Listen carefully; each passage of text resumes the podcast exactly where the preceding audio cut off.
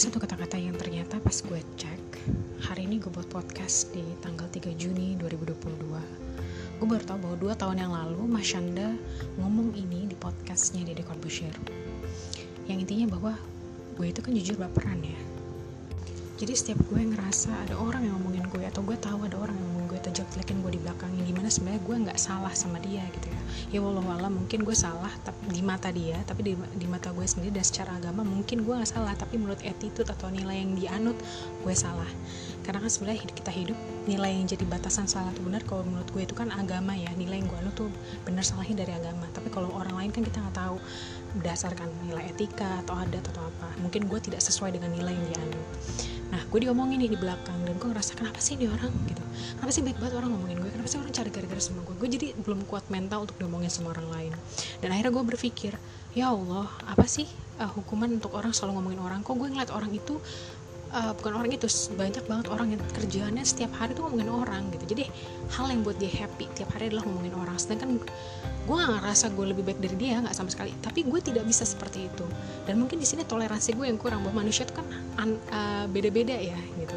Karena gue ngerasa gue gak begitu jadi bagi mata gue dia aneh gitu kan nah mungkin begitu juga. Dia ngerasa gue nggak suka uh, gosip gue diajak kayak gitu kumpul-kumpul kayak gitu nggak mau dan di mata dia gue yang aneh gue yang cupu gue yang suci atau apa. Nah gue ngerasa kecewa. Bukannya yang gue lakuin ini baik tapi kenapa sih orang-orang yang ngomongin gue itu selalu ngomongin gue dan itu banyak banget?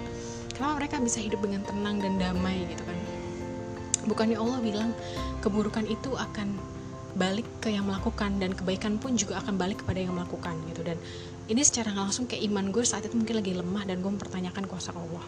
Tapi kata-kata ini menyadarkan gue gitu. Kata-kata yang akhirnya gue tersentak sendiri dan ternyata gue bertahu Masyanda juga ngomong Val lo siapa? Bahkan Allah pencipta alam semesta pun dan Rasulullah Shallallahu Alaihi Wasallam yang menyampaikan wahyu Allah gitu ya yang meneruskan wahyu Allah kepada umatnya. Allah menyampaikan wahyunya melalui malaikat Jibril dan Rasulullah Shallallahu Alaihi Wasallam menerima wahyu itu berupa ayat Al-Quran yang dibacakan oleh malaikat Jibril dan Rasulullah meneruskan itu kepada kita. Itu pun dihina dan dihujat. Terus lo siapa? Mau gak dihina gitu Val? Gitu. Dan lo siapa? Ngarepin hukuman orang yang menghina lo atau orang yang nyakiti lo segera di dunia sedangkan orang banyak juga orang-orang yang menghina Rasul. Yang mungkin banyak yang dibalas langsung sama Allah di dunia tapi juga ada juga ya sampai akhir hayatnya Rasul mereka belum minta maaf dan mereka masih ada di kubu lawannya Rasul. Yang pasti mereka akan menerima ganjaran dari perbuatan mereka nanti di akhirat kelak. Yang di mana di pengadilan Allah itu tidak ada yang bisa berlari tidak ada yang bisa luput dan tidak ada yang diperlakukan uh, secara tidak adil satu orang pun. Bahkan satu makhluk pun. Allah berjanji di situ adalah semua dijabarkan dan diganjar seadil-adil